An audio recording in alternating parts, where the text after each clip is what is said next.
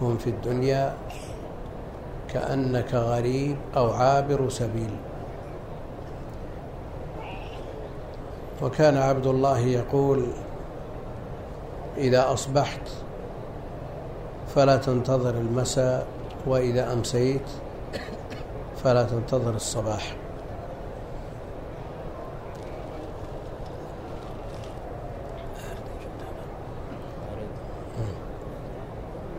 كن في الدنيا كأنك غريب.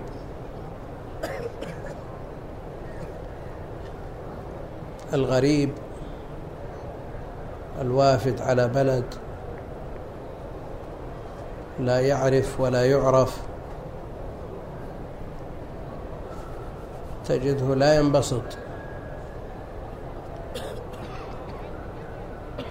في هذا البلد لأنه غير معروف. ولا ينبسط ولا يرتاح إليه. وحينئذ تجده قليل الخلطة قليل الخلطة مع الناس قليل الانبساط معهم قليل الكلام. ومن لازم ذلك أنه إذا قلت الفضول عنده أنه ينجمع قلبه وينحصر فيما هو بصدده سواء كان وفد إلى هذا البلد وتغرب عن أهله وذويه لأمر دين أو أمر دنيا. إذا كان لأمر دين كمن هجر بلده وأهله لأنهم يشغلونه عما ينفعه. أو هاجر لطلب علم ليتفرغ. والرحلة في طلب العلم سنة مأثورة. ومن فوائدها أن يتفرغ الإنسان عن الشواغل والصوارف الموجودة في بلده إلى بلد الغربة. وليس معنى بلد الغربة أنه يغترب في عند غير المسلمين. وهرب من أمر موجود بين المسلمين يشغله من المباحات وغيرها. فلا يقال أنه يغترب إلى بلاد الكفر ويتفرغ لطلب العلم هناك لا. الآن الهجرة واجبة من بلاد الكفر إلى بلاد الإسلام ومستحبة من بلاد الفسق إلى بلاد الاستقامة وهذا قدر زائد على ذلك. الاغتراب للتفرغ لطلب العلم. هذه غربة والتفرغ فيها محسوس والسبب ظاهر أن الانشغال بالأهل والمعارف والزملاء والأصدقاء وكل له حقه. من الصلة مما يترتب على ذلك كثرة الخلطة بالناس مما لا يستطاع ضبطه من قبل كثير من خاصة الناس فضلا عن عامتهم. ولذا تجدون في وقتنا الذي نعيش فيه بعد انفتحت الدنيا على الناس وكفوا مؤونة أرزاقهم تجد الفضول عندهم كثير. الفضول كثير. رحلات ونزهات واستراحات وتقضى الأوقات بالقيل والقال. ولا شك أن هذه الفضول من أضر الأمور على القلب سيما إذا صحبها فضول كلام وفضول نظر في هذه القنوات التي لا يسلم منها إلا من سلمه الله ووفقه فضول نظر وفضول سماع. ومن لازم هذه الاجتماعات الطويلة فضول الأكل أيضا الذي ينشأ عنه السهر ويترتب عليه أيضا فضول نوم فيسهر في الليل فيما لا ينفع ثم يترتب على ذلك وينشأ عنه نوم في النهار وقضاء للأوقات فيما لا ينفع وقد تقضى الأوقات فيما يضر. في الدرس السابق تحدثنا عن أهمية الوقت وقيمة الوقت في حديث نعمتان مغبون فيهما كثير من الناس الصحة والفراغ. مع الأسف أن الزمن الوقت الليالي والنهار الساعات والدقائق هي عمر الإنسان. هي عمر الإنسان. وهي حقيقته. إن عمر هذا الوقت فيما ينفعه في دنياه وأخراه هذا مغبوط كما تقدم.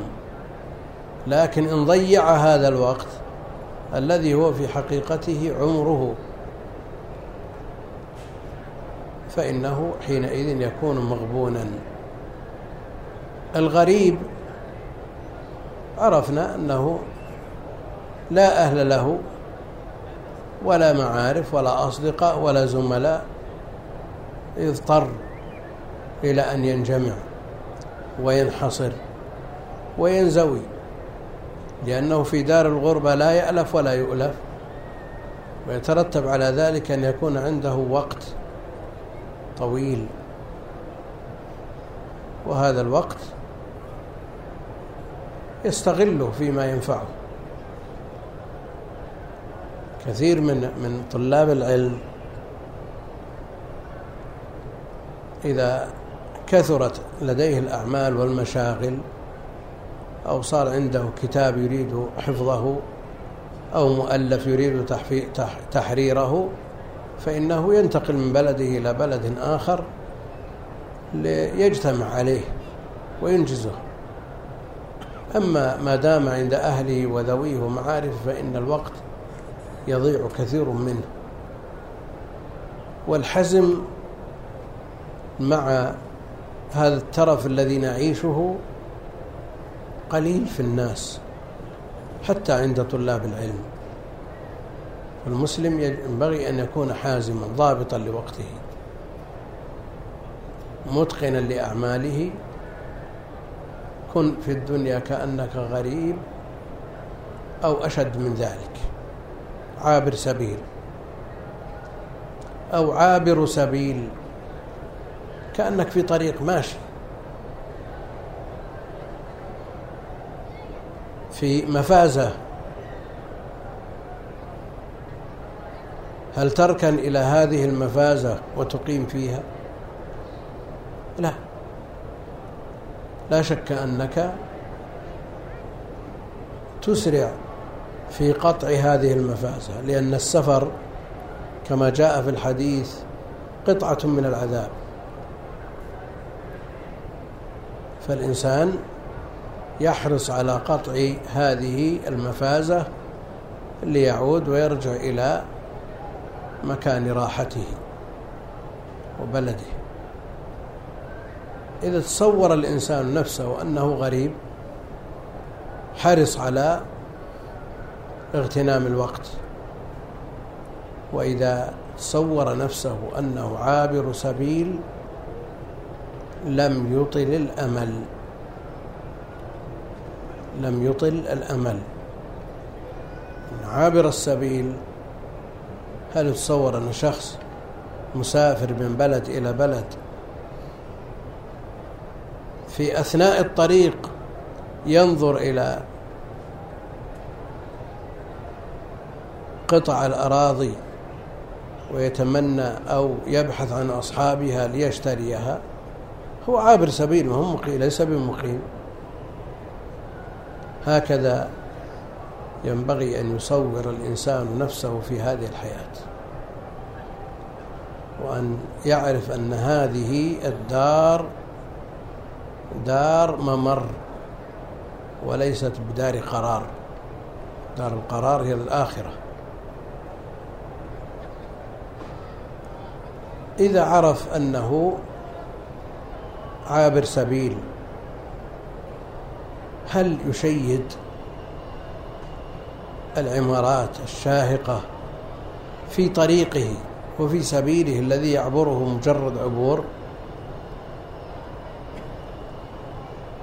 أنت ماشي من بلدك إلى هذه الديار المقدسة وفي طريق وطريقك آلاف الأميال أو مئات الأميال إذا جلست في بلد أو مررت ببلد وأردت أن تأخذ تتزود منه وقود أو طعام أو غير ذلك فتعرض عليك أرض تشتري ولا ما تشتري؟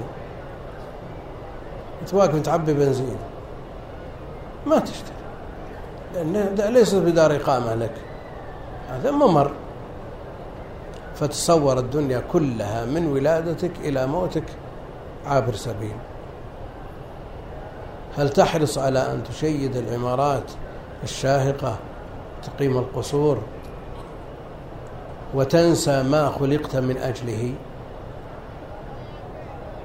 أنت مخلوق لتحقيق هدف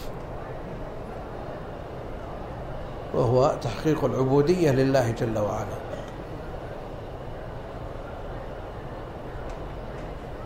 ولا مانع بل طلب منك أن لا تنسى نصيبك من الدنيا الذي تحقق به هذا الهدف. فالدنيا ليست بهدف وإنما هي من أجل تحقيق الغرض الذي من أجله خلقت.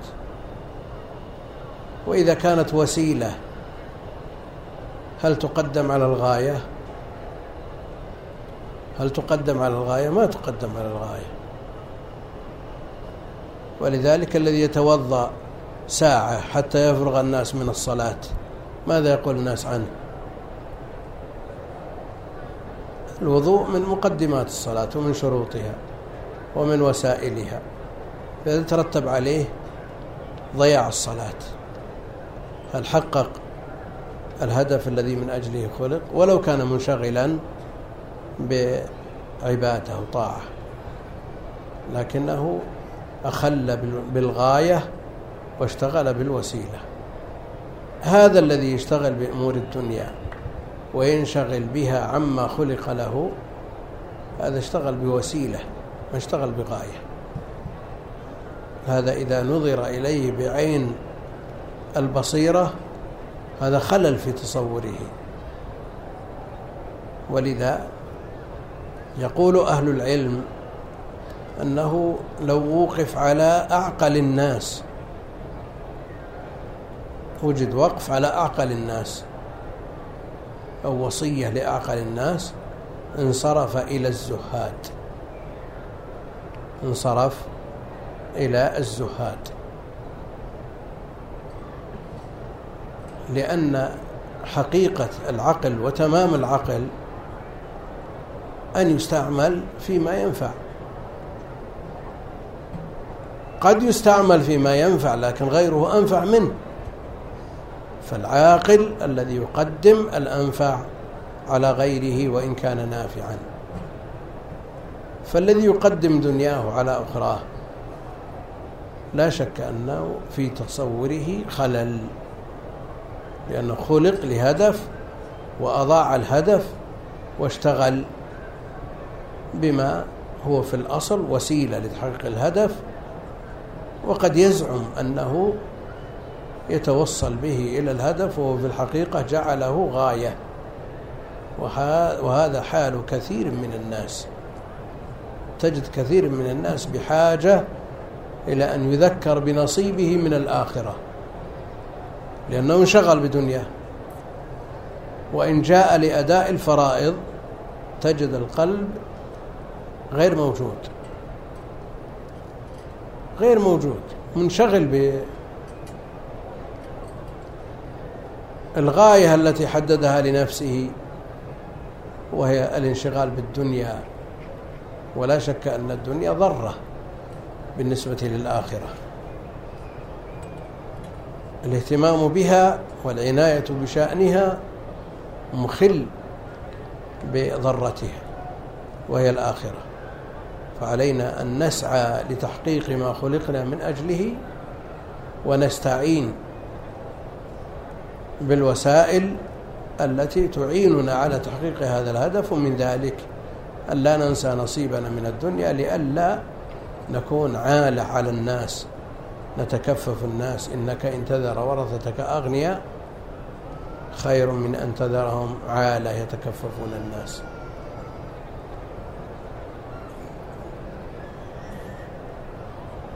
المسلم إذا سمع مثل هذا الحديث كن في الدنيا كأنك غريب أو عابر سبيل. وقد أبرم الصفقات والاتفاقيات والعقود طويلة الأمد.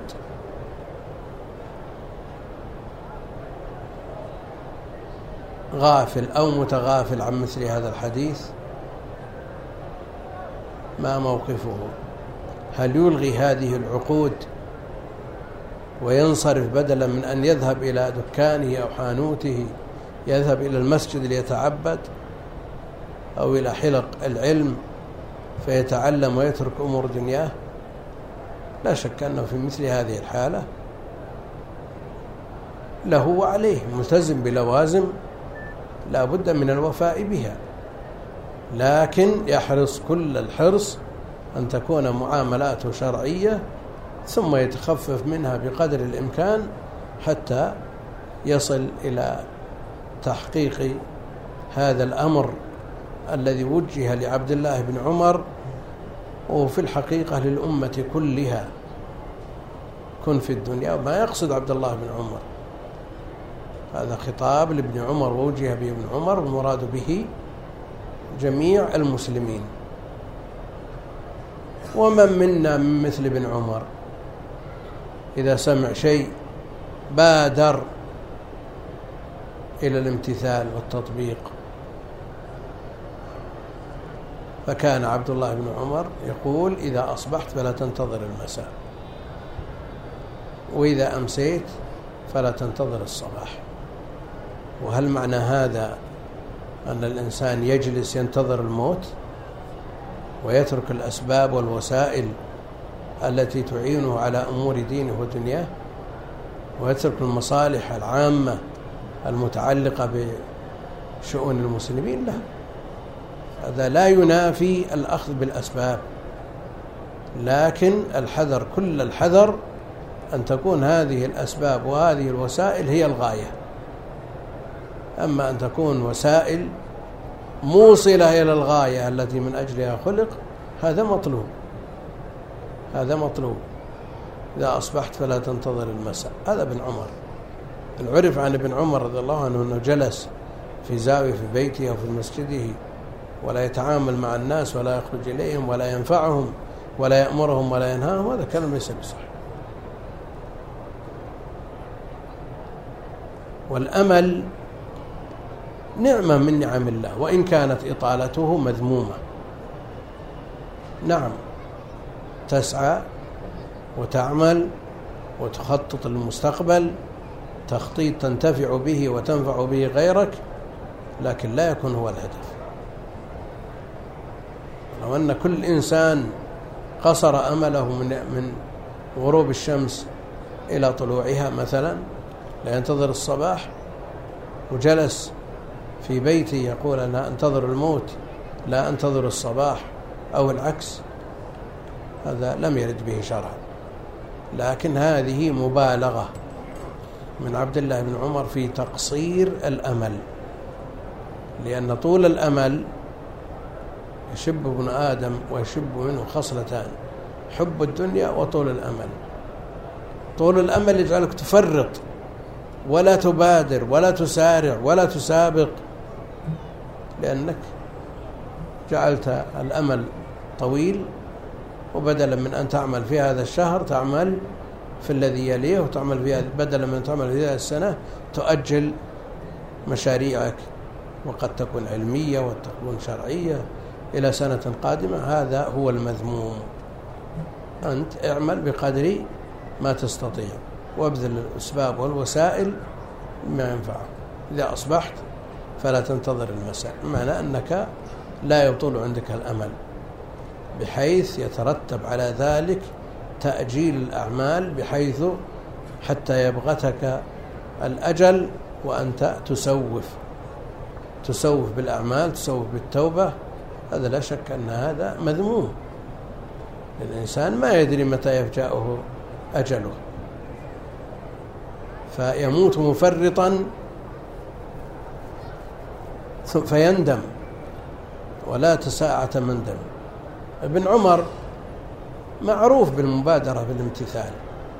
إذا أصبحت لا تنتظر المساء وإذا أمسيت لا تنتظر الصباح. الآن أعظم ما يواجه الناس من صعوبات الحياة السكن. السكن من من الصعوبات الزواج مثلا من الصعوبات وسيلة النقل السيارة. والسكن أعظم هذه الأمور. تجد الإنسان طيلة عمر يكد يكدح ليوفر سكن قد يتيسر وقد لا يتيسر. وإذا شرع في مشروع في بناء بيت ليسكنه هو وأولاده وإن كانت أسرته صغيرة يحتاج إلى وقت طويل لتشييد هذا المبنى. سنة سنتين وأحيانا ثلاث. ابن عمر ذكروا أنه بنى بيته بأسبوع. بناه بنفسه. بناه بنفسه. كانت أمور الدنيا كلها ميسورة. البيت مثل ما ذكر عن ابن عمر. يبنى بأسبوع بعشرة أيام ويتعاون الناس عليه وما يكلف ولا يرهق الذمم. تجد الإنسان يحمل نفسه من الديون ما يجزم بل يستحيل أن يسددها. لأنه يعرف دخله ويعرف كم آه، بذل في هذا البناء من مئات الألوف والملايين. لكن الأمر أهون من ذلك. إذا عرف أنه في الدنيا غريب أو عابر سبيل ما شيد القصور. وحمل نفسه وأرهق ذمته ما لا يطيقه. ومكث سنين يشيد هذا البيت. الناس اللي ما أدركناهم لكن قالوا أنه قبل خمسين سنة البيت يعمر مدة يسيرة. يقف الإنسان مريد بناء بيت يسكنه هو وأسرته في باب المسجد عند خروج الناس من الصلاة صلاة الظهر أو العصر. وقال الناس أعان الله من يعين ثم هذا يحمل لبنه وهذا يحمل طين وهذا يأتي بماء ويخلطون الطين واللبن وينتهي. ما يبيش. لكن مشكلتنا أننا جعلنا هذه الدنيا هدف. هدف.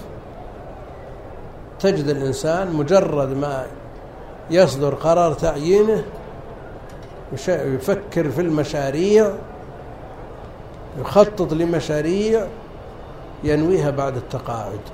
العدم الوظيفة معروفة. معروفة دوام سنة سنتين ثلاث عشر إلى أن ينتهي. ما تحتاج تخطيط لكن ماذا يصنع؟ هذا من طول الأمل ولا من قصر الأمل؟ هذا من ضعف العقل. هذا من ضعف العقل. ابن عمر لما سمع قول النبي عليه الصلاة والسلام نعم الرجل عبد الله. لو كان يقوم من الليل. فورا كان عبد الله لا ينام من الليل إلا قليلا. لما سمعنا هذا الحديث غير من حياتنا شيء؟ هل غير من حياتنا زدنا ركعة في صلاة الليل؟ ما غير شيء. ما لم يغير من حياتنا شيء. مسألة مسألة اتباع مسألة اقتداء. تجعل هذا الرسول عليه الصلاة والسلام هذا الأسوة هذا القدوة.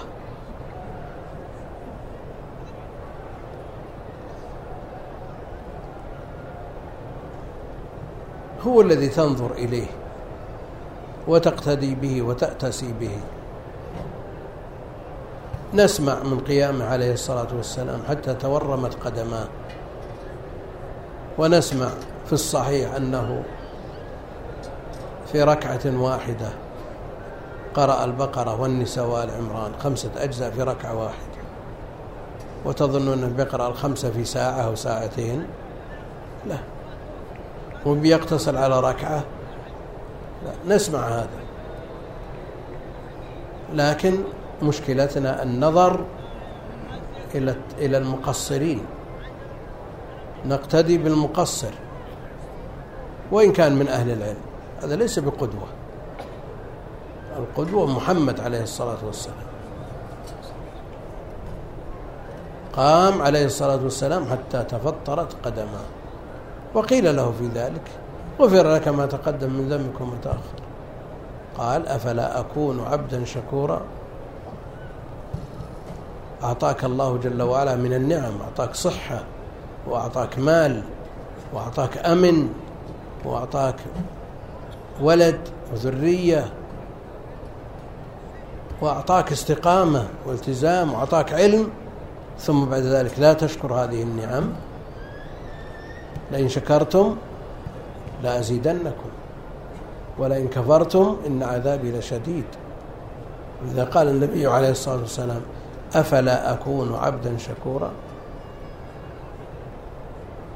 طول الأمل هو الذي غر الناس وجعلهم يفكرون ويخططون لعشرات السنين. تجد المشاريع ضمانها مئة سنة. وكان الناس يعني من المفارقات العجيبة أن كان الناس قبل خمسين أو ستين سنة يأجرون البيوت مئة سنة مئتي سنة ثلاثمائة سنة. وصل الأمر إلى ألف سنة. إن هذا من يتسق مع عيشهم الذي سمعنا عنهم. هذا عجب. يسمونها الصبرة. يستأجر البيت 200 سنة 300 سنة. ثم بعد ذلك يندم المؤجر أو المستأجر إذا لزم العقد. فإن زادت الأجور ندم المؤجر وإن خفضت الأجور ندم المستأجر. طول الأمل يجعل الإنسان لا يبادر. كما يقول الشيطان للمسلم إذا انتبه من نومه أو أراد أن يقوم. عليك ليل طويل. عليك ليل طويل ينظر إلى الساعة فإذا بقي على أذان الصبح ساعة قال ليل طويل فينام. ثم يبقى نص ساعة يقول باقي. إذا بقي ربع ساعة قال باقي. ما يقوم يصلي ركعتين تنفعه تنفعه في قبره. لا عليك يقول الشيطان عليك ليل طويل ويطيعه ويقيده عن طاعة الله جل وعلا. والسبب هو الإنسان نفسه. هو الذي جعل الشيطان يقيده ويأمره ويطيعه لأنه فرط. وما بذل الأسباب والشيطان يعقد على قافية أحدكم إذا نام ثلاث عقد. إذا قام وذكر الله انحلت عقدة. إذا توضأ حلت عقدة ثم يقوم ويصلي فتنحل العقد كلها. يصبح طيب النفس. نشيط. مقبل على أعماله. ليس للشيطان عليه سبيل.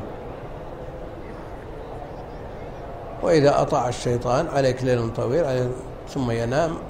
إذا انتبه وجد بقي من الوقت شيء رجع ينام ثم فإذا به يسمع الناس يفرغون من الصلاة ويخرجون منها. وهذا موجود يعني في وقتنا وجود كثرة. ما هو قليل موجود بكثرة حتى بين طلاب العلم أو بعضهم.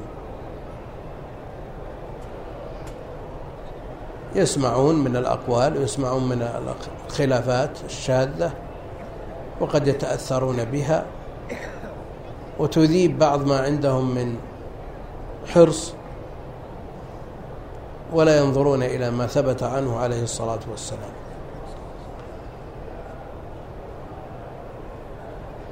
اللهم صل وسلم على عبدك ورسولك محمد وعلى آله وصحبه أجمعين.